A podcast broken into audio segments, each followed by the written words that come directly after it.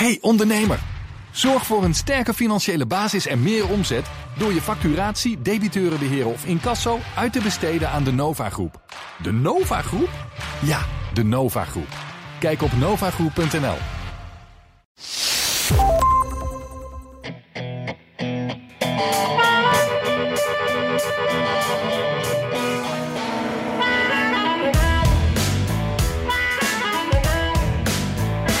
Kevin McCarthy maakte een deal met Biden en deed er alles aan om zijn partijgenoten te overtuigen voor die deal te stemmen, zodat Amerika niet bankroet gaat. I don't want to be on the wrong side of history. Every single one of those members who vote no will miss the opportunity to vote for the largest cut in American history. Maar dat maakte hem er niet populairder op bij de Trump-vleugel van de partij. Hoe nu verder? En twee nieuwe kandidaten. Maakt Mike Pence kans op het presidentschap? En waarom doet Chris Christie überhaupt mee? I don't think he's jumping into this race to become president of the United States. I think he's jumping in to try and kamikaze Donald Trump. Verder, waarom praat heel Washington over de tv-serie Succession? En is het mooie uitzicht vanuit studio Hammelburg, New York, in gevaar? Dit is aflevering 182 van de Amerika-podcast. Mijn naam is Jan Posma. Van achter mijn eettafel in Washington D.C. aan een lekker kopje verse koffie. En ik ben Bernard Hammelburg vanuit Studio Hammelburg te New York. Achter mijn kleine bureautje met groots uitzicht. Het is een beetje heilig vandaag. Jan, je kent het uitzicht hier. Ehm, jij stuurde me net nog een fotootje van dat je klaar zat met de Amerika-podcast Mok en dat mooie uitzicht. En ik word dan altijd een beetje jaloers, Bernard. Die, die ja, het- mooie het is, oude het is ook, gebouwen. het, die... is ook schitterend. En dan, en dan, we zitten dus in de Upper West Side. Dat zijn voor, voornamelijk 19e eeuwse gebouwen. Ook wel wat nieuwer hoor. Een paar Maar van die mooie watertorens op het dak, hè? Ja, watertorens nog op het dak. En, en, eh, en je ziet ook soms het begin van, de, van, van het najaar. Zie je, dan worden de kachels aangedaan. En dan zie je hier nog van die zwarte rookwolken uit schoorstenenkopers. Allemaal ouderwetse oliestook. Dit gebouw trouwens ook. Wauw. Heeft ook nog steeds eh, oliestook. Dus ja, wat dat betreft is het een beetje een, een eh, anachronisme. Maar het uitzicht is dan, als je naar het zuiden kijkt, over het eiland heen, over Manhattan heen. Dat kunnen we helemaal zien, bijna tot, tot de zuidkant. Dan, dan zie je al die prachtige eh, eh, futuristische gebouwen die New York kenmerken in Midtown en Downtown. Eh, het nieuwe, de nieuwe Freedom Tower, die zie ik zo voor me liggen. Hè? In, waar vroeger het World Trade Center stond, de Twin Towers. Ehm, en er zijn ook een paar van die, dat herinner je je ook toen we hier samen op het balkon stonden. Een paar van die hele dunne naal, naalde, hele hoge flats. Ja. En een, een daarvan heet ook de Needle. En dat, dat, dat zijn volgens mij allemaal eh, flats van één hele verdieping. En dat is dan de hele etage. En die zijn opgestapeld, staan op, op dit moment behoorlijk wat zonder licht, zal ik maar zeggen, of leeg. Want die waren vaak in handen van eh, Russische oligarchen. En die zijn even niet meer zo welkom hier. Eh, want die reisden dan voortdurend hier naartoe en dan weer terug naar weet ik wat. Hè? Die heen en weer. Nou, dat gaat niet meer. Dus dat heb je. Ja, maar er zit, zitten nu allemaal in Dubai Er zit. Dubai. Er zitten ook heel veel Chinezen in deze gebouwen. Ehm, ik geloof dat zo'n appartement ergens rond de, ik denk 5, 6 miljoen kost of zo. Dus, ehm, dus ik, ik heb er wel naar gekeken, maar ik doe het toch even niet. Dat kan ik me voorstellen. Ja. en, en ik, ik las ook eh, een tijdje geleden had eh New York Times geloof ik echt wel een heel leuk artikel over die hele dunne naalden die jij beschrijft. Ja. En, en eh, ja, dat is allemaal een heel nieuw concept eigenlijk. Die zijn dus heel dun en heel lang. En dat kan omdat ze ook een beetje flexibel zijn. Ze waaien een beetje mee met de wind. Dat Alleen klopt. het probleem is dat dan ook de, de, de, de, nou, de waterleidingen, de, de gasleidingen, alles wat naar boven loopt, dat dat ook een beetje mee beweegt. Maar dat, dat scheurt nog wel eens, dat breekt nog wel eens, dat gaat nog wel eens kapot. En dat heeft soms ook een wat onheilspellend geluid als je daar in je penthouse op de zoveelste eh, verdieping zit. Dus ik denk dat jij veiliger zit, Bernard. Dat is ook zo. Op de 18e verdieping in een heel breed gebouw zitten hier 450 flats in dit gebouw. Dus dat is echt een bonk steen, enorm groot en sterk. Eh, en die, die, die naaldgebouwen, die, hebben inderdaad, die, die zwaaien inderdaad. Maar dat geldt voor de Eiffeltoren ook. Eh, de top gaat ook heen en weer. En eh, de vroegere Twin Towers, daar hadden ze ook een soort meter hangen. Om aan te geven hoeveel de uitzwaai naar links en rechts was. Ook die, al die hoge gebouwen gaan heen en weer. En die zijn er inderdaad op gebouwd. Maar ja, je moet dan wel zorgen dat je flexibel, letterlijk flexibele waterleidingen en gasleidingen hebt. Ja. En zeebenen. hey, en uh, je noemt al jouw gebouw breed, groot, zwaar. Dan komen we eigenlijk op wat we net al een beetje teasden. Er is dus een probleem, mogelijk met jouw uitzicht. Dat zeg ik een beetje tong in cheek. Maar New York is aan het zinken. Zo is dat. En dat komt dus niet door het klimaat. Hè. We, we horen altijd die verhalen over hmm. Uh, wat allemaal in de toekomst uh, niet meer beschermd kan worden tegen het uh, reizende water. Dat geldt ook voor Manhattan, want ja, dat is omringd door rivieren en, en heel veel en zee. Maar dat is het probleem helemaal niet. Het probleem hier is dat Manhattan 1 tot 2 mm per jaar zakt. Simpelweg door het gewicht van alle gebouwen en de mensen en alles en de auto's en alles wat erop staat. Dat, en, en iedereen denkt altijd ja, dat, dat geeft helemaal niks. Want uh, New York is gebouwd op rotsgrond, voor een groot deel tenminste. En dat is keihard natuurlijk. Ja, Alleen, dat is ook wat je ziet hè, in Central Park. Dan ja. liggen die rotsen aan de oppervlakte. denk ik, ja. dat is vrij solide. Ja, je ziet het ook vaak in de kelders van uh, huizen of gebouwen. Dat daar zo'n zo'n puntje rots uitsteekt. Wat ze bij de hm. bouw niet hebben kunnen of willen weghalen. Want het is, het is, je hebt er echt dynamiet voor nodig om het weg te krijgen. Um, maar ook rots kun je dus, als je maar erg je best doet, in elkaar drukken.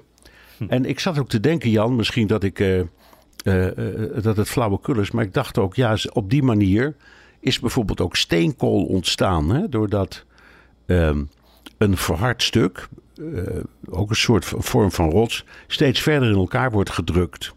En uiteindelijk uh, ja, zoiets wordt als steenkool. Nou, ja, de, hier, hier, wordt, hier is de, de, rots waarop wij allemaal zitten, die, is, die wordt in elkaar gedrukt. Um, en, die, en, en uh, de gebouwen bij elkaar, dus alles bij elkaar hier, wat, wat we, waar we het net over hebben, wat ik ook voor een groot deel kan zien, die zijn net zo zwaar als 4700 keer het gewicht van het Empire State Building. Zo. Op, ja, op de hoek van, vier, van de 34ste straat en Fifth Avenue. Um, dat is uh, toch een van de grotere gebouwen in de wereld. En dat weegt heel veel. En, en de rest, inclusief dit bureaustoeltje waar ik nu op zit, telt allemaal mee, uh, Jan. ja, precies. Ja. Je moet straks oppassen met de lunch, Bernard. Want anders met de lunch, precies, ja, precies. Je ja. moet, moet, bescheiden eten en kijken of we het een beetje kunnen, kunnen tegenhouden. Allemaal afvallen. Maar het is inderdaad wel een interessant verhaal. En ja, nou, dit is nu nog de achttiende verdieping. Misschien dat we deze dagen, dat ik je moet melden dat ik nu vanaf dit moment uh, opneem vanaf de 17e verdieping. Ja, Dat je afscheid hebt genomen van de onderburen. ja, ja, ja, ja, ja. Nou goed, dat gaat natuurlijk heel lang duren. Maar het is wel, het is toch iets. Al die dingen, daar moet je toch rekening mee houden. Het bestuur, het stadsbestuur moet er rekening mee houden. En ik zou in dit geval niet weten hoe. Kijk, met water, daar zijn ze ook mee bezig. He, Arcadis bijvoorbeeld speelt er een belangrijke rol. Met het, het, het bouwen van uh, waterkeringen, stuwdammen enzovoort uh, in, de, in de Hudsonrivier en in het gebied, zou ik maar zeggen, rondom het Empire State Building, hè, dat grote open zeegebied richting haven. Hmm. Daar, daar worden nu allemaal voorzieningen getroffen om te zorgen dat uh, de waterspiegel, dat je, dat je die kunt blijven beheersen. Dat heeft allemaal te maken met klimaat. Um, maar dit niet. Dit is gewoon, ja, het, het, de hele, hele zwik loodzware gebouwen, auto's, motorfietsen, fietsen, um, fietscouriers en natuurlijk um, uw dienstwillige dealer. ja, precies. Nou, ik moet zeggen, ik, eh, altijd als je door New York loopt, dan, heb je, dan zie je ook wel, we hadden net over die, die hele dunne uh, wolkenkrabbers die ze maken. Je ziet dat daar worden natuurlijk de grenzen opgezocht. En, en, nu hoor je dan eigenlijk ook een beetje hoe de natuur daarop reageert. En dat dat dus ook wel echt gevolgen heeft. Dat vol kwakken met allemaal hoge gebouwen ja. uh, die tot de hemel reiken. Ja, Jan. Ja. Um, iets anders. Jij wilde het dolgraag hebben over de tv-serie Succession. Vertel. Ja, ja uh, het is echt een van mijn favoriete series van, uh, nou, ik denk de afgelopen tien jaar. Ik heb met heel veel plezier daarna gekeken. Het, is net de laatste aflevering geweest op HBO. Dat, dat heet nu Max. maar het is eigenlijk dezelfde streamingdienst. En volgens mij daar ook in Nederland te zien. Um, zal proberen niet uh, spoilers te geven. Er zijn vier seizoenen geweest en, we hebben het dus net afgerond. Um, maar wel even schetsen voor wie het nog niet gezien heeft. En voor de fans die, die het ook leuk vinden om er gewoon over te horen. Um, die serie gaat over de familie Roy. Vader Roy, een man op leeftijd met een grijze baard, grijs haar, streng gezicht. Hij leidt een, een heel groot mediabedrijf. Pardon. Echt een conglomeraat. zijn kinderen die willen dat overnemen. En hun vader die laat ze eigenlijk steeds in het ongewisse. Die laat ze een beetje vechten om nou ja, om liefde van hem, vechten om erkenning en vechten ook om dat plekje, om die troon, de plek om, om uh, dat, dat grote familiebedrijf over te nemen. En om even in de sfeer te komen, hier is de trailer voor de laatste aflevering. I know that we've said the worst things, but I just wanted to get a few things straight. Dad said that it would be me. If we want to hold on to this company for us, we have to go into battle with our own version of the future with a king.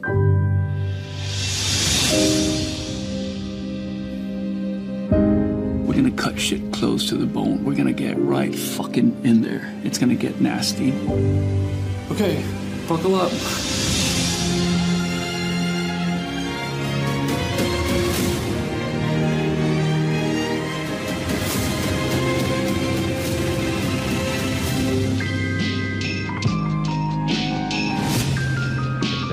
Heb ik dat laatste stukje muziek er even onder laten zitten. Want die muziek die is ook zo goed in deze serie.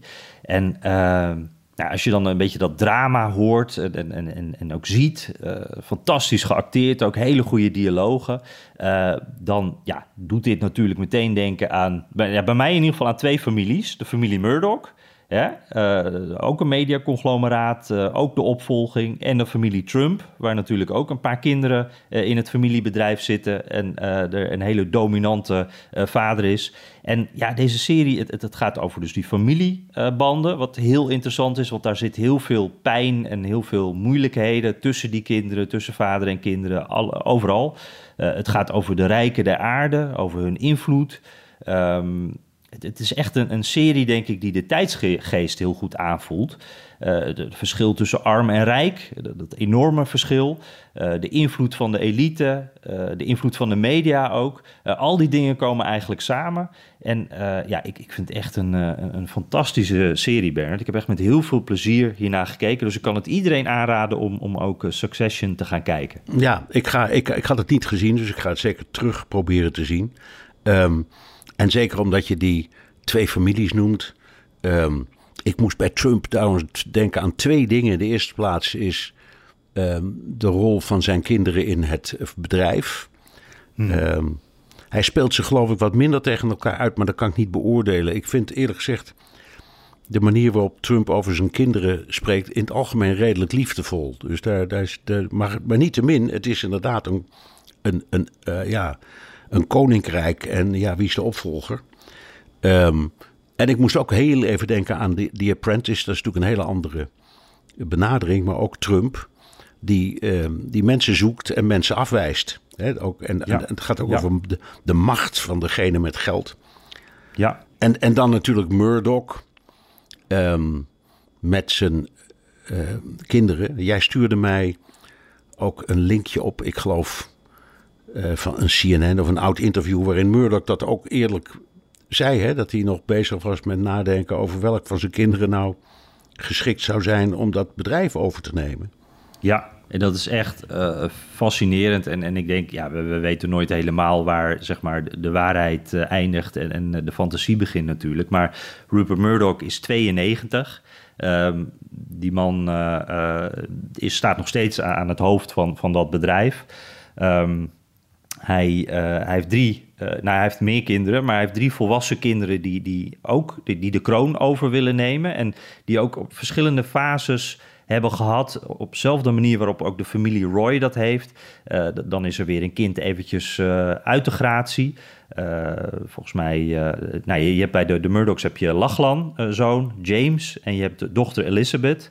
En wat ik begrepen heb is dat bijvoorbeeld Elizabeth, die uh, ook wel echt wat zakelijke ervaring uh, heeft inmiddels, maar ja, die wordt door Rupert Murdoch toch niet als de beste opvolger gezien. Eigenlijk een beetje omdat ze een vrouw is. Dat vindt hij toch een beetje moeilijk.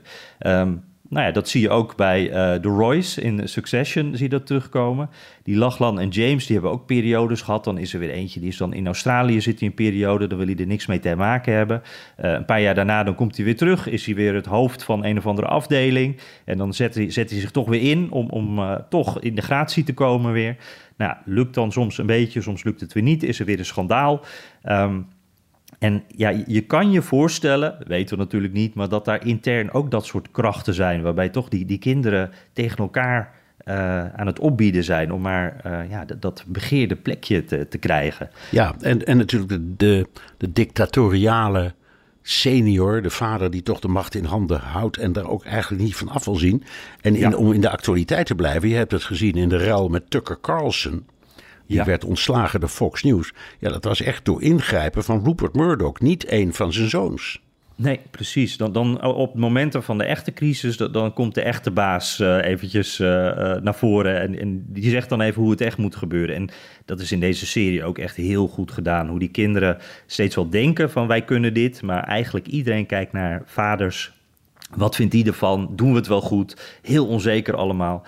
En uh, ook wel interessant, het conservatieve, dat is ook iets wat in de serie en ook bij de, de Murdochs heel duidelijk natuurlijk erin zit. Ze hebben Fox News, ze, ze hebben de, de, Wall Street Journal, de New York Post.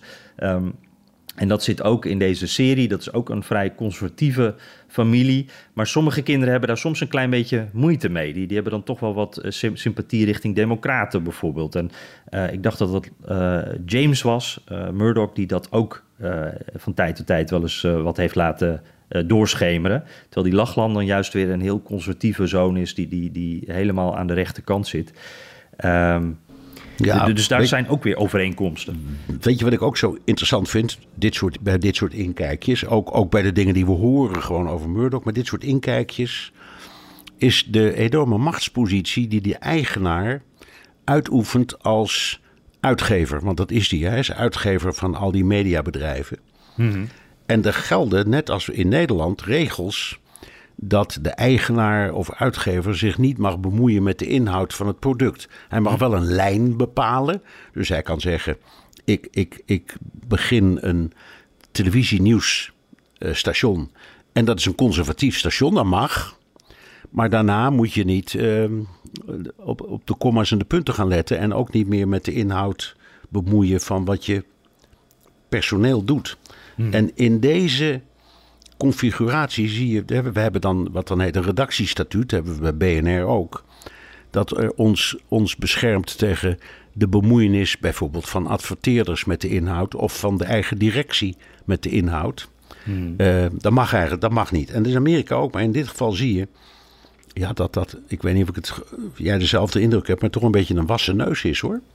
Ja, en, en dat gevoel, krijg je ook wel als je bijvoorbeeld uh, soms dat het gekonkel echt een beetje bij Fox News bijvoorbeeld uh, ziet. En, en um, ik heb het ook wel eens bij de Wall Street Journal, wat ik echt een heel goede krant vind. Uh, fantastische ja, ja. reportages, goede analyses. de, de nieuwskant is echt heel goed.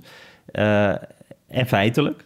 Uh, en, en dan zie je uh, in, de, um, in de opiniekant, als er een redactie, hoofdredactioneel commentaar is, dan zie je soms daar toch een wat andere uh, koers in. En ik heb wel eens het gevoel dat daar dus uh, de familie Murdoch dan een beetje, uh, Rupert Murdoch dan over de schouders meekijkt en een beetje instrueert welke kant dat op moet gaan. Want dat zijn veel meer de conservatieve waarden uh, ja. van de Murdochs. Ja. en dat, staat soms, dat gaat soms echt tegen de, de nieuwsartikelen in. Dan staat echt op de opiniepagina iets anders. wat gewoon feitelijk niet klopt. En op de nieuwsredactie hebben ze dan een heel ander verhaal, een andere conclusie ja, getrokken. Interessant. Er zijn overigens ook wel leuke mediafamilieverhalen. Bijvoorbeeld de New York Times is, is opgericht door meneer Sulzberger. En bij, me, bij mijn weten is de huidige directeur-uitgever nog steeds een Sulzberger. Mm. Dus dat is als een dynastie van generatie op generatie overgegaan. Ze zijn niet allemaal even geniaal, laat ik het zo zeggen. Maar dat, maar dat is toch gelukt. Dus Weet dat je ook hoe ook. dat gaat? Dan wordt zo iemand, eh, wordt daar nog over gestemd door, door een directie of zo? Of wordt deze meneer Oh, on- aangesteld? Uh, Onget- on- ongetwijfeld, zoals dat in. Hè, dat is toch een beetje de sfeer van een familiebedrijf. Ja. Ehm, alleen, eh, dit is natuurlijk niet meer een ouderwets familiebedrijf. Maar goed, het kan, to- het kan toch. Het kan ook, laten we zeggen, wel harmonieus ja. eh, eh, verlopen. En zonder al die enorme eh, kiftpartijen intern. Ja, Maar het is, het, is ontzettend, het is ontzettend leuk en het is ook leerzaam voor. Hè, bijvoorbeeld in Nederland ja, horen we altijd dat, dat de, de, de belangrijkste bijdrage aan de Nederlandse economie en samenleving, die wordt, vaak, die wordt geleverd door familiebedrijven. Hm. Ehm, dus ook daar spelen dit soort dingen allemaal, daar ben ik van overtuigd. Want ook, ook dat zijn allemaal eigenaren, ehm, directeuren die moeten nadenken over opvolging. Ja. Ja. Ja, ik, eh, en, en, En dus- eh, wat me ook nog even Ja. te binnen schiet, want eh, de Washington Post was natuurlijk altijd van de familie Graham. En dat is nu overgenomen door Jeff Bezos. En Ja. eh, dat levert natuurlijk ook weer, eh, dat zit ook in Succession. Daar is ook een, een modern eh, bedrijf dat zeg maar de, dat legacy media bedrijf over wil nemen. Dat is een deel van de intrige die vier seizoenen lang. En wat me altijd, ik moet er altijd wel om lachen. In de Washington Post staat dus altijd als het over Amazon gaat of, of alles wat met Jeff Bezos te maken heeft. Jeff Bezos owns de Washington Post. Dat moet er altijd Ja. eventjes bij. Maar we Ja. berichten onafhankelijk. Dat, Ja. Nee, maar dat, dat- daar hebben ze groot gelijk in. Omdat ze zeggen, ja, waarom zouden we niet? En we, we willen daar geen vragen over. En bovendien, er is niks mis mee. Nee, als je er maar duidelijk over bent. Als je maar duidelijk bent, er is niks tegen. eh, je kunt moeilijk bezwaar hebben dat meneer Bezos eigenaar is van een krant. Sterker nog, eh, eerlijk is eerlijk, eh, hij heeft natuurlijk ook COVID meegehad, moet, moet ik zeggen, en andere dingen. Maar de New York Times en de Washington Post hadden het heel, heel, heel moeilijk. En toen kreeg je Trump en COVID. En dat is voor die kranten ontzettend goed geweest. Dus Bezos heeft ehm, eigenlijk de New York Times, die een beetje een sterfhuis begon te worden, toch weer redelijk over de, de. Washington Post. De- Sorry, de Washington Ja, Post. redelijk over uitgetrokken. Ja. Ja, ja precies. Ja. En, eh, ja, hey, en je noemt Trump al. En, en voordat we dan, dan moeten we natuurlijk naar het schuldenplafond. Maar nog één dingetje, wat ik, mochten mensen nog twijfelen van wil ik dat gaan kijken. eh, dat laatste seizoen, er zit ook een fantastische aflevering eh, in. En dat gaat over de verkiezingen.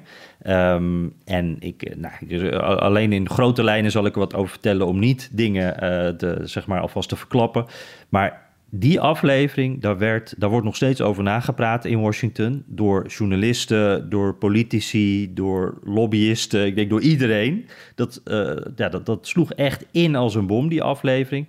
Dat was namelijk, eh, nou, dat, ging over verkiezingen die er op dat moment in die serie eh, waren. En toen werd het nieuwsverhaal gevolgd vanuit de redactieruimte van, van de familie Roy, van hun tv-zender.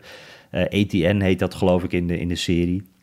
En dan ontstaat de situatie dat eh, als de conservatieve, de republikeinse kandidaat, eh, als die de president zou worden, dan zou dat eigenlijk het bedrijf beter uitkomen.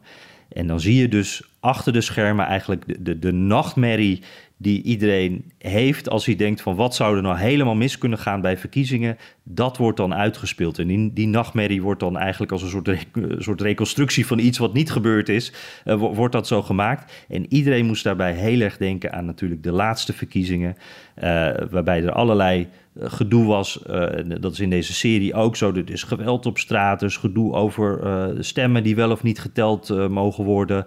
Eh, rechters komen eraan te pas. En dan is het uiteindelijk dus eh, dat groepje eh, van eh, de, familie, zeg maar, die dan uiteindelijk met een telefoontje eh, eh, beslist hoe die verkiezingen gaan aflopen. En iedereen denkt daarbij natuurlijk aan, eh, nog een detail trouwens, dat is met de staat Arizona. Dat is uiteindelijk de staat die de doorslag geeft in dit verhaal. Nou, dan moet jij ook meteen denken aan de laatste verkiezingen, toch? Van eh, wat zou daar dan achter de schermen bij Toen, Fox toen, News wij hier, toen wij hier ehm, in New York samen zaten en onze monden openvielen. toen, toen, toen Fox News bekend maakte dat Arizona was gewonnen door Biden. Ja. Eh, en dat is ook de, door heel veel, ehm, nou ja, ik zal maar zeggen, Fox News aanhangers en republikeinen gezien als puur verraad. Ja, de man die die call maakte, die werkte niet meer. Nee, die werkte niet meer. Nee. En eh, ze hadden gewoon gelijk. Ze hadden, want het blijft, ze doen hun werk gewoon heel goed. Ja, Ja. en over, overigens, ik heb nieuws voor je, Jan. Wist jij dat Donald Trump de verkiezingen heeft gewonnen? Nou, ik heb zeg- het hem zelf wel eens horen zeggen. Ja, ik, ja, ja, ja ik, ik, ik wou het maar even zeggen. Oké. Ja, precies. Even een kleine fact-check hier. Ja. Nou, ik kreeg in ieder geval van die aflevering wel weer verkiezingsstress. Maar eh, het, is een, eh, eh, het is een fantastische serie, dus aan iedereen zou ik zeggen, kijk het vooral. Ehm, en Bernard, om dan toch maar eventjes naar het nieuws van deze week te gaan. We hebben natuurlijk om de zoveel tijd weer die rituele dans rond het verhogen van het schuldenplafond. Um, hebben wij het ook al veel vaker over gehad. En als wij dit opnemen, dat is uh, voor mij op de donderdagochtend, uh, uh, of voor ons op de donderdagochtend en in Nederland is het dan op donderdagmiddagavond. Um, als wij dit opnemen, dan zitten we eigenlijk nog midden in die dans. Hè? Het lijkt er sterk op dat dat schuldenplafond verhoogd gaat worden. het huis heeft ervoor gestemd. Dat was eigenlijk de, de belangrijkste, dat was de eerste horde. En nou, als wij elkaar spreken, dan wachten we nog tot de Senaat gaat stemmen. dat zou mogelijk vandaag al kunnen gebeuren. Uh, willen ze in ieder geval proberen voor het weekend te doen. En het lijkt erop dat daar ook een meerderheid is. En dus de grote ramp weer een keertje is afgewend. Lijkt me een grote overwinning ook voor Biden en McCarthy. Maar daar zullen we het zo nog even over hebben. Lijkt me toch eerst eventjes goed om hier weer even op terug te komen van... we hebben het er weer met z'n allen over... Tegelijkertijd, we weten dat het heel belangrijk is, maar het is dus ook een rituele dans. Bernd, nog eventjes, waarom is dit nou zo belangrijk, dat schuldenplafond? Nou, het is in de eerste plaats belangrijk omdat uh, het is, dit was de 79ste keer uh, in de geschiedenis van Amerika, of sinds, ik meen 1917, dat uh, het schuldenplafond moest worden aangepast. Het is nog nooit verlaagd in al die jaren. Er zijn meer republikeinse presidenten dan democratische presidenten die dat hebben gedaan. Dat zegt dus ook niks. Um, maar in dit geval was de zaak spannend omdat Amerika voor het eerst nu in een situatie dreigde te komen waarin het in feite failliet was. Hm. Um, en dat betekende dat het uh, de rente en de aflossing van staatsleningen niet meer zou kunnen betalen. Uh, en dat is een wereldramp, want alle economieën in de hele wereld, bijvoorbeeld de Chinese, uh, bijvoorbeeld de Saoedische, bijvoorbeeld de Britse, maar ongetwijfeld ook de Nederlandse economie, al die centrale banken, um, die, hebben, die hebben allemaal investeringen in um, um, US government bonds. Hm. En als dat gebouw instort, ja, dan stort de hele wereldeconomie in. Dus er staat op dit moment, of er stond heel veel op het spel. Mm. Alleen, je hebt gelijk, dat doet zich van tijd tot tijd voor. Het is een beetje een rituele dans. En in dit geval was het ingewikkeld omdat um, Biden een aantal beloften heeft gedaan.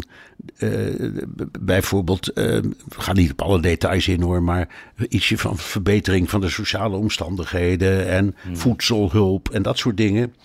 Uh, dat vonden de conservatieve rechtse republikeinen die, die vinden dat allemaal een soort van uh, socialistische uitverkoop. Rampzalig. En omgekeerd zeiden de Democraten: ja, maar de, de Republikeinen willen eigenlijk alles wat ten, ten bate komt van het volk, willen ze tegenhouden. Hm. Um, en ook die hebben een radicale, maar dan linkse vleugel. Dus daar ging het even om.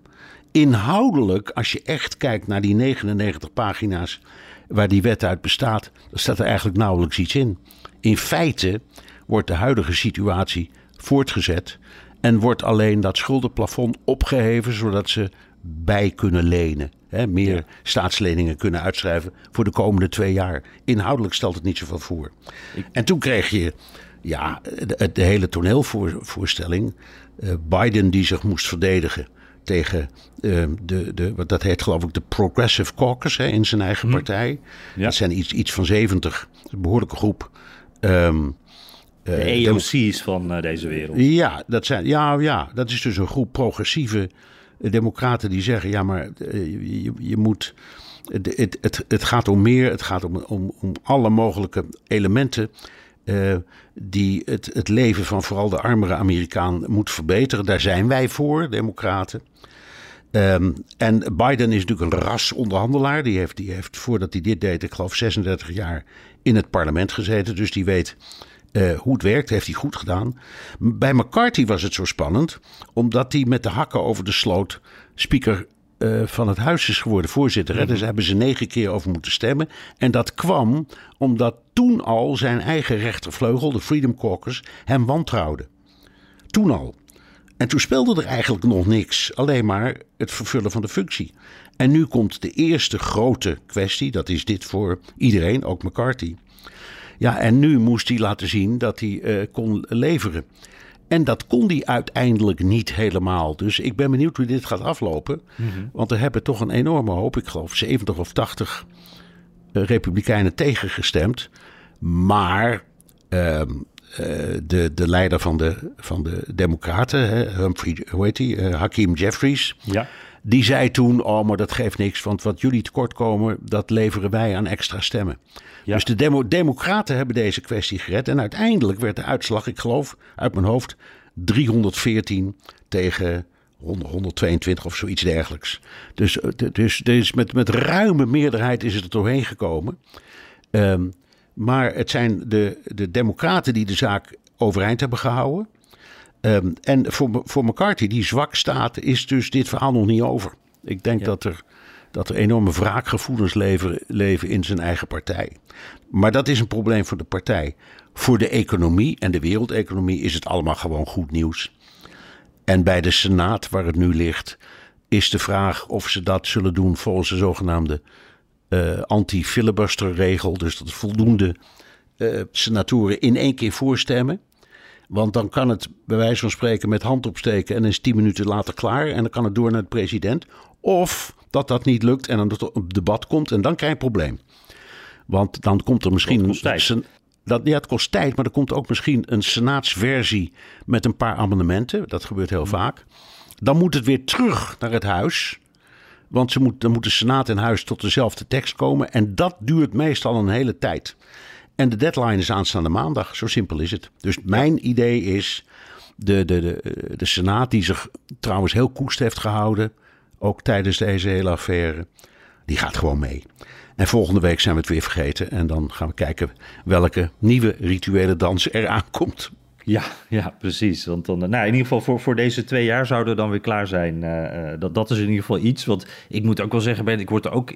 Dit onderdeel, daar word ik wel eens een beetje moe van. Omdat het zo zelf gecreëerd is. Eh, het hoeft niet. Het, het, het- ze niet. Ook, ook nu, weet je, eigenlijk was het geld al. of de officiële deadline was al begin dit jaar. Eh, is al uitgesteld. Daarna heeft eh, Janet Yellen nog gezegd, eh, nou 1 juni wordt dan de datum. Nou, gingen we ook niet redden, dus toen zei ze van nou 5 juni, dat is dan, dat is dan komende maandag. Dat is dan wanneer het geld echt op is. Och man, en je zit naar de tv te kijken en, en daar wordt het de ene Ja. cliffhanger naar de andere cliffhanger zie je daar. Terwijl uiteindelijk, nou ja, Je, weet dat, je weet dat het goed komt. En ik vond, Jellen, daar, daarmee op dat moment vond ik dat het systeem door de mand viel. Want kom op, zegt de minister van Financiën, die zegt 1 juni is de deadline. En dan een tijdje later zegt, ik heb het nog eens even laten narekenen. Het kan ook best 5 juni worden. Zeg, kom op zeg, de Ja, minister van ja. Financiën. Wat krijgen we nou? Op dat moment weet je dat zij ook een rolletje speelt in dit toneelstuk. Ja, precies, een politiek rolletje. Ik dacht ook bij mezelf van, had gewoon even niks gezegd. Want dan hadden ze gewoon 1 juni aan kunnen houden. En dan, eh, want als je ze vertelt dat het 5 juni is, dan wordt het ook 5 juni. Ja, en dan hadden wij vandaag de wereld al gerust kunnen stellen. Hè? Ook de financiële wereld. Ja, maar ja. Hey, Bernard, ik heb nog twee, twee korte vraagjes die ik hierover wil stellen. Eh, eh, in, de eerste, in beide partijen zie je dus ontevredenheid. Hè? De, een beetje de, de linkervleugel, de rechtervleugel, die zijn ontevreden. Maar het midden heeft elkaar gevonden. Dan denk ik bij mezelf, dit is eigenlijk goed nieuws. Steun Ja. van beide partijen, dit hebben we niet zo vaak in Washington. De, de Ja, vlag kan en- even uit. Eh, dat precies. En ik denk dat dat ook de reden is geweest voor eh, de democratische leider Jeffries. Om zo genereus te zeggen: jongens, dat we aan stemmen tekort komen, dat leveren wij gewoon. Juist om dat mechanisme van het fatsoenlijke, redelijke midden een beetje te onderstrepen. En ik denk dat heel veel Amerikanen dat ook prettig vinden. Want het geeft een lekker gevoel dat niet alleen die, die, die, die uiterste vleugels, hè, de, de- niet AOC en ook niet Ted Cruz en dat soort mensen, dat die voortdurend alles overschreeuwen. Ehm, dus het is in, in al met al, ik vind ik- het is geen onaangename periode, deze, deze eh, begrotingsdiscussie. Nee. Maar om, om dan toch nog eventjes op die, die vleugels uit te komen... want je, we, hadden het al even over Kevin McCarthy... En, en dat dit de grote test voor hem ook is geweest. En dat is een want jij zegt van... Nou, hij heeft niet helemaal kunnen leveren. Ja, van tevoren werd gezegd... hij kan 150 stemmen, zal hij wel leveren. Het werd geloof ik 149. Dus op dat punt heeft hij net niet genoeg... Nou ja, het was wel genoeg, maar eh, hij had op wat meer gehoopt waarschijnlijk. Ehm, en je hoort nu dus dat die Trump-vleugel, waarvan jij zegt, van nou, die, die overschreeuwen en die, die, die zijn zo dominant in het eh, debat. Die zeggen nu, verschillende mensen daarvan, die zeggen van nou, we gaan eens even kijken. We hebben afgesproken toen we hem aanstelden van eh, onder eh, een paar voorwaarden. En één daarvan is dat we elk moment een stemming kunnen organiseren waarmee we jou weer kunnen afzetten als wij niet tevreden zijn over jou. En die zeggen nu van, nou, dat, misschien gaan we dat wel doen. Ehm, ik ben heel benieuwd hoe dat loopt, want op een bepaald moment kan je ook zeggen van, nou ja, straks is het achter ons gelaten. Uh, denk jij dat uh, die, die, rechtervleugel dat die inderdaad nog zo'n stemming gaat organiseren? Of, of heeft McCarthy zijn huid een beetje gered? Nou, het, zou, het zou kunnen. Denk aan John Boehner, die zijn we allemaal een beetje vergeten. Maar die was mm. ook uh, Speaker of the House. En die is in een vergelijkbare situatie ook weggetreiterd. Die probeerde steeds maar de stem van de redelijkheid te zijn. En, dat, en toen heette de, de Freedom Caucus, die heette toen de Tea Party. Maar het was, oh, gewoon, ja, dezelfde, was gewoon dezelfde groep. En die hebben hem gewoon het leven onmogelijk gemaakt. De, deze groep, hè, die, die, die Freedom Caucus, van de 212 Republikeinse partijleden, het zijn er maar 45. Maar hmm. uiteindelijk hebben ze iets van, wat was het, 70 of 72 uh, stemmen meegekregen tegen het plan. Hmm. Dus ja, uh, het zou kunnen dat ze zeggen: laten we de positie van de, de speaker maar in stemming brengen. En dan moeten we maar zien hoe het afloopt. Als dat, als dat misgaat, krijg je een ander. Het is niet anders. Ja, ja, ja, ja. compromissen sluiten, dat is nog steeds iets, uh, nee, uh, iets vies aan die kant. Ja, nee, hoewel je kunt zeggen, dit is toch een heel belangrijke kwestie. En dit is één heel groot en heel belangrijk compromis wat nu is gesloten. Ja, hey, um, dan nog even snel een eh, rondje nieuwe kandidaten. Ik was vorige week namelijk wel jaloers toen ik even afwezig was... dat jij en David het over de Santos en, en Tim Scott konden hebben. Ik vind, vond vooral, die, die, daar hadden jullie het ook over, die Scott... dat had een wat positievere boodschap. Die bracht het ook goed. Uh, in, interessante kerel is dat, ja. Ja, absoluut. Dus ja. uh, nou, daar gaan we ook nog zeker op terugkomen. Maar we hebben uh, nu ook weer twee nieuwe aankondigingen. Uh, ze zijn er nog niet officieel, maar we weten dat komende dinsdag Chris Christie, de oud-gouverneur, dat hij zich kandidaat gaat stellen. En komende woensdag Mike Pence, de, de voormalig vicepresident van Trump. Um, nou, maak eens een kans, Bernard. Um, ik betwijfel het zeer. Christie is eigenlijk, die, die is vaker kandidaat geweest. Um, en ik vind het eerlijk gezegd doorgaans wel een, een grappige man. Um, en hij is vlot en hij, heeft, uh, hij is een ontzettend goede campagnevoerder, maar hij heeft zich ook een paar keer behoorlijk vergalopeerd. Um, het is ook een en, bullebak, hè? Het is niet zo'n sympathieke man. Nee, nee. Dat vind ik dan juist wel weer leuk, maar dat is voor de kiezer denk ik niet zo goed. Nee, dus ik denk dat hij uh, eigenlijk meer uit is op... Je liet ook in, helemaal in het begin liet jij een heel klein fragmentje horen. Ja. Dat het meer gaat over het, een soort van kamikaze-onderneming uh, tegen Trump. Dan dat het hem echt gaat om het binnenhalen van de nominatie. Want hij weet dat hem dat niet lukt. Dat is wat ik denk over Chris Dat is interessant, want dat fragmentje kwam van Fox News. En ik vond het dus, dus ik was al benieuwd wat jij ervan zou vinden. En ja. De gedachte is dus eigenlijk dan ook, die Christie, die is ook in de kou gezet door Trump. Hè. Op een bepaald moment, hij was eerst anti-Trump. Eh, toen ging hij achter Trump staan, hoopte ministerspost of zo binnen te halen. Niet gelukt. Heeft volgens mij zelfs corona gekregen uiteindelijk. Uh, nou, mogelijk door Trump. Dat was in ieder geval echt heel pijnlijk voor hem. Uh, moeilijk moment. En nu is hij dus heel anti-Trump. Maar jij gelooft daar wel in, in die theorie dat hij er vooral is om Trump uit te schakelen? Ja, en, en kijk, elke stem die hij krijgt, krijgt Trump niet in de voorverkiezingen. Um, dus ik denk dat het stemming maken is. Uh, en niet echt de illusie dat hij een kans heeft. Ook, ook al, om, los van Trump, maar hij is gewoon ja, minder goed dan iemand als de Santis of Tim Scott, denk ik, in, hmm. in het campagnevoeren. Dus die, die zijn, ja. denk ik, goed. Ja, en dan, en dan uh, onze grote vriend Mike Pence. Wat, wat, wat denk je daarvan? Ja, ik heb daar ook. Uh, nou, weet je, het eerste gevoel wat ik had toen nu dus de aankondiging van de aankondiging kwam, toen dacht ik van, nou, daar is hij dan eindelijk. Um, maar ik dacht ook van, is het misschien eigenlijk al niet een beetje te laat? Want we hebben inmiddels uh, zoveel namen, er is al zo'n breed veld. En Mike Pence die is ook een beetje zoals de dat ook een tijd deed, een beetje een schaduwcampagne aan het doen. Hè? Die duikt dan ook af en toe op in Iowa en allerlei uh, staten die belangrijk zijn. Uh, hij doet af en toe een interviewtje. Maar wat blijft en wat hij niet weg heeft kunnen nemen, hij wil Trump niet hard aanvallen. Daar is hij nog steeds heel voorzichtig in. En iedereen, uh, of je nou fan van hem bent of niet, denkt meteen aan 6 januari, de bestorming van het Capitool, wat de Trump-supporters toen met hem wilden. Uh, zijn leven was toen echt in gevaar. Um, en daar spreekt hij zich dus ja, heel voorzichtig over uit. En, en dat blijft denk ik toch een beetje een soort uh, elephant in the room bij hem dat hij voorzichtig is richting Trump, terwijl Trump hem toch iets vreselijks heeft aangedaan. Ja. En ik denk dat dat een probleem blijft. Dat is waar, maar je kunt het uitleggen als uh, fatsoenlijk. Ja. Uh, want hij, heeft ja gezegd op het vicepresidentschap. En hij is weliswaar verraden door Trump op die dag. Maar hij dacht waarschijnlijk, ja, dan had ik die baan niet moeten nemen. Dat zat erin met zo'n uh, wispelturige president. Dus, hè? Ja, maar, maar het is op een bepaald maar, moment, maar, zeggen, houd het een keer op. Ik, ik, zie nog een ander dingetje, Jan. Ja. Ik, ik sprak uh, vorige week met iemand die uh, erg in, in, in die republikeinse politiek zit. En die zei, voor heel veel kiezers, vooral in het religieuze deel, gaat het maar om twee dingen. Dat is godsdienst en abortus. Hm. En de rest horen ze en zien ze niet.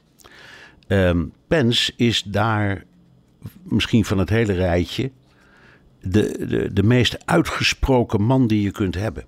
Ja. En um, je weet, dat, dat was een berucht of beroemd of roemrucht moment toen hij gouverneur was van Indiana. En een wet heeft goedgekeurd die aangenomen was door het staatsparlement. En die eiste dat iedere vrouw die abortus had gepleegd, verplicht naar de begrafenis of crematie van de afgevoerde vlucht zou, vrucht zou komen. Een gruwelijke wet. Die is gelukkig door het Hoge Rechtshof meteen weggetikt en terecht.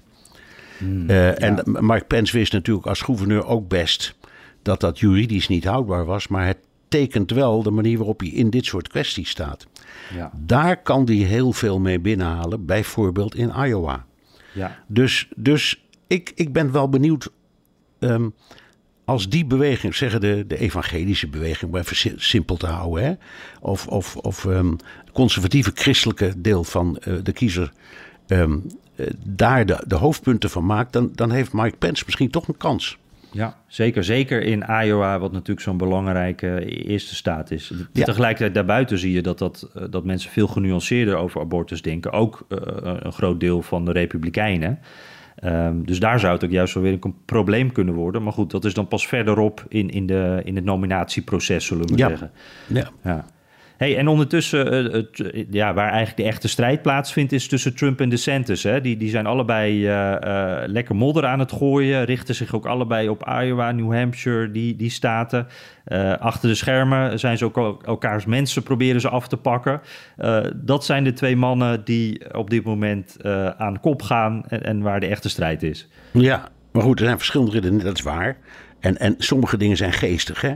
Dus de Centis, daar hebben we het in de vorige podcast ook even over, over gehad, is niet echt heel handig in wat dan heet retail politics. Dat is niet niet ongemakkelijk, hè? Het is ongemakkelijk. Soort... Hij gaat niet Ja. aanbellen en even met iemand praten. Nee. Trump doet dat ook niet, maar die, die haalt steeds die enorme menigtes bij elkaar, die rallies. En dat kan die als geen ander. En toen de Centis dus daar in Iowa aan het eh, modderen was, zal ik maar zeggen. Toen eh, ging Trump, die, die, eh, die, die kondigde zo'n rally aan. Gevolgd door een interview met Sean Hannity op Fox News. En toen dacht ik, kijk, dat is een strateeg. Die gaat helemaal geen moeite doen om daar in Iowa met mensen te praten. Die haalt er gewoon een hele hoop zo'n stadion in. En daarna gaat hij lekker bij eh, Fox News eh, leeglopen. En dan slaat hij het, de centers links en rechts om de oren. Of dat lukt, moeten we. Of dat uiteindelijk is in het ogen van de kiezer ook zo is gelukt, dat weten we nog niet. Maar het laat wel zien, het zijn allebei. Ik bedoel, Trump blijft eh, strategisch echt fenomenaal goed hoor, vind ik. Ja, ja klopt. En want Ja. het contrast met DeSantis dan. Ik zag een klein fragmentje dat hij eh, een zaaltje binnenkomt. Ik dacht dat Ja. Iowa was, kan ook wat anders zijn. En eh, iemand komt naar hem toe. Die man zegt, mijn naam is dit en dat. Ik heb meer dan drie uur gereden om u te zien. En dan zegt DeSantis, oké. En hij loopt door. Ja, ja, nou, dan gaat het niet goed, hè? Dan, gaat het, dan, dan gaat het niet goed, nee. Enfin, eh, het wordt een lange en leuke race. En eh, misschien is ook gewoon het oude spreekwoord hier waar. Hè, als twee ronden vechten om een been, gaat de derde ermee heen.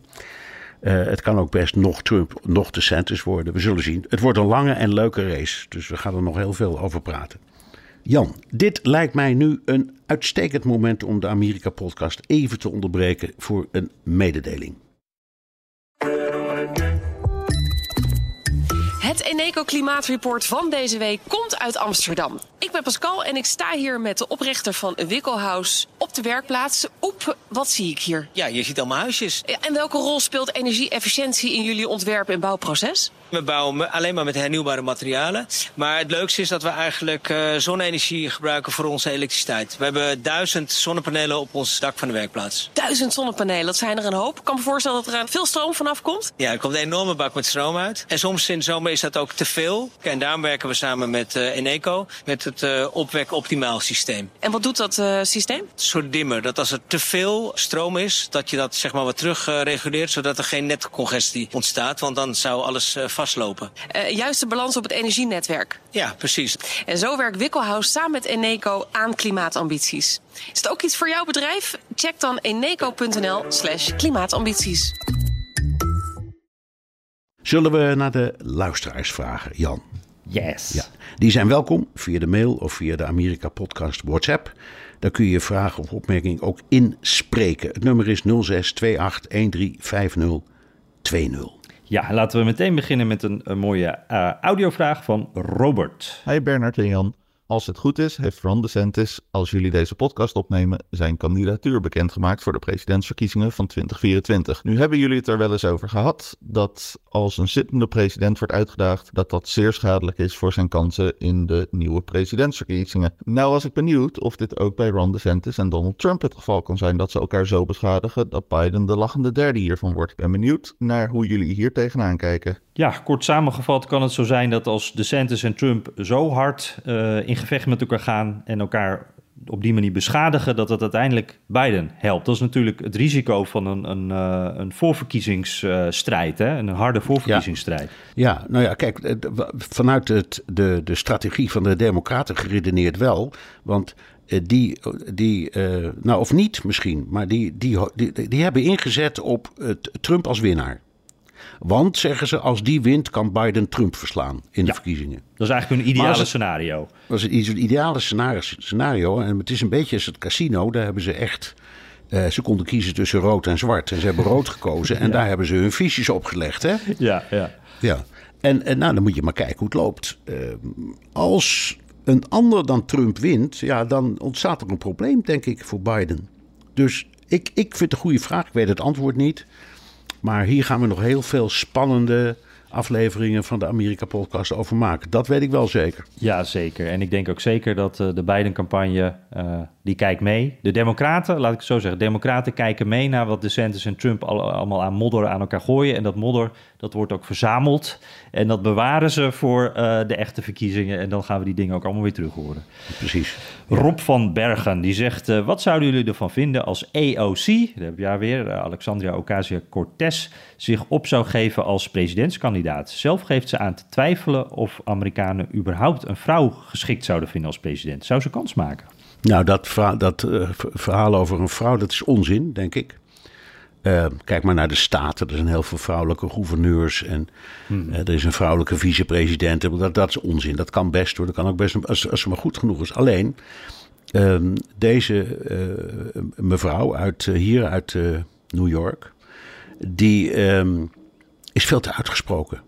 Te links. En, ja, en links is prima. Ik bedoel, gelukkig maar.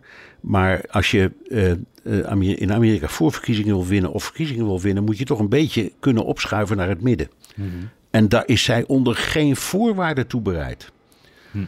Dus het is, is ook niet erg flexibel. En, en een presidentskandidaat die moet wel flexibel zijn. Die moet begrijpen dat er ook andere meningen zijn. Die moet niet streven naar uh, de tirannie van de meerderheid. Hè, maar ook weten dat er een minderheid is. Nou, dat zit in, de, dat zit in deze vrouw niet. Het lijkt misschien een beetje op de kandidatuur van Bernie Sanders dan, die, die in de voorverkiezingen ja, ver die, kwam, maar ja, hoe, net niet. Hoe gek het, hoe gek het ook, ook klinkt, ik vind uh, Bernie Sanders, hè, dat vergeten we vaak, is geen democraat, maar onafhankelijk. Hè? Mm -hmm. um, maar die vind ik vaak, die is ook zeer uitgesproken links, dat zegt hij zelf ook, maar toch vind ik die vaak wat slimmer of verstandiger praten over de grote problemen um, dan uh, AOC. Mm -hmm. uh, misschien een, er zit ook iets van, uh, wat is het, 60 jaar tussen qua leeftijd, geloof ik. Dus misschien dat dat... Zou kunnen, zou ja. kunnen, ja, ja, Maar interessante vraag in ieder geval. Want zij is inderdaad wel iemand... nou ja, als je kijkt naar waar nou t-shirtjes van worden verkocht... of waar mensen nou posters voor boven hun bed hebben hangen... dat is EOC. Zij is echt wel nog steeds een ster. ja. Maar we zullen zien of dat uh, uh, ja, tot een kandidatuur gaat leiden. Edith ja. Gottlieb die zegt uh, een kleine opmerking bij uw podcast, waar ik overigens altijd heel graag naar luister. In nummer 181, dat is vorige week, heeft u het over Lev Parnas.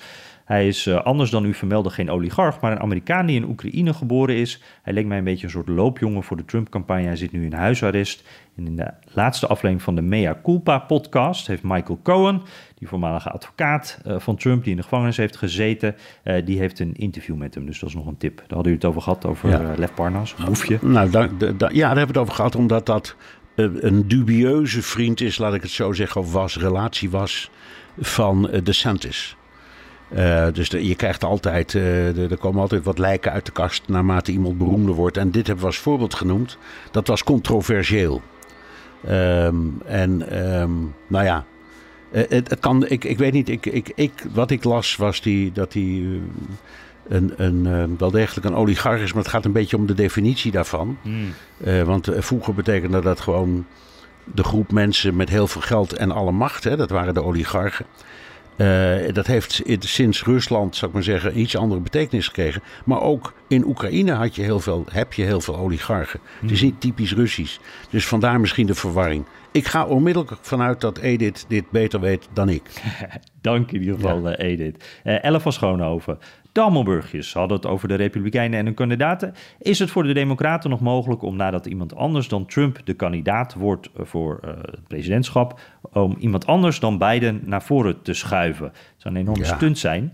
Uh, indien de Republikeinen nu al weten dat Trump zich straks terugtrekt, Biden gaat het niet winnen. Of, nou, hier raak ik eventjes een beetje de zin kwijt, maar ik snap nee, wel nee, maar, wat ja, je maar bedoelt. ik vind het een goede vraag. Ja. Uh, kunnen ze nog van Biden af? Dat is de ja, vraag. precies. En naar mijn idee is het antwoord nee. Ja, maar alles kan. Maar die man heeft zijn kandidaat gesteld. Het is gebruikt dat als de zittende president zich eh, kandidaat staat voor herverkiezingen. Dat er niet uit de coulissen allemaal eh, kan, eh, tegenkandidaten opspringen. Ook omdat het um, strategisch onhandig is. Want die gaan dan stemmen uh, uh, weghalen bij de president. En misschien in de algemene verkiezingen ook bij de democratische kandidaat. Mhm. Dus ik, ik, ik denk dat ze dat niet doen. Nee. Maar ik vind het een goede vraag. En eerlijk gezegd, als ik in het bestuur van de Democratische Partij zat, zou ik dat wel degelijk overwegen. Ja, precies. Het, het, het ja. grootste probleem is denk ik waar we het vaker over hebben gehad. Wie dan? Wie zou dit dan moeten doen? Ja, ja. Uh, we hebben ja. geen naam. hey, uh, zullen we, ja, uh, met de excuses aan Jules, volgende week gaan we jouw vraag doen. Zullen we hem bij deze afronden, Bernard? Yep. Terugluisteren kan via de BNR-site, Apple Podcast en Spotify. Heb je vragen, opmerkingen, kritiek of complimenten... dan kan dat ook met een tweet naar Jan Posma USA of BNR De Wereld... of heel ouderwets met een mailtje naar dewereld.bnr.nl. En je kunt ook je vraag inspreken of intikken op de Amerika Podcast WhatsApp 06 28 13 50 20. Ja, en zet natuurlijk je naam en adres er even bij. Dan krijg je misschien die Amerika-podcast mok wel. Uh, we gaan er volgende week weer eentje weggeven. En ik zag hem, Bernard, toen jij een fotootje doorstuurde van dat fantastische uitzicht. Wat nu dus een heel klein beetje zo... Uh, uh, je bent een heel klein beetje naar beneden gezakt gedurende deze podcast natuurlijk. Maar ik zag die, die podcast mok ook bij jou op het bureau staan. Wat drinkt die goed, hè? Inmiddels leeg. Oh, nou, dat is een ja. teken. Tot Ja. volgende week. Tot volgende week, Jan.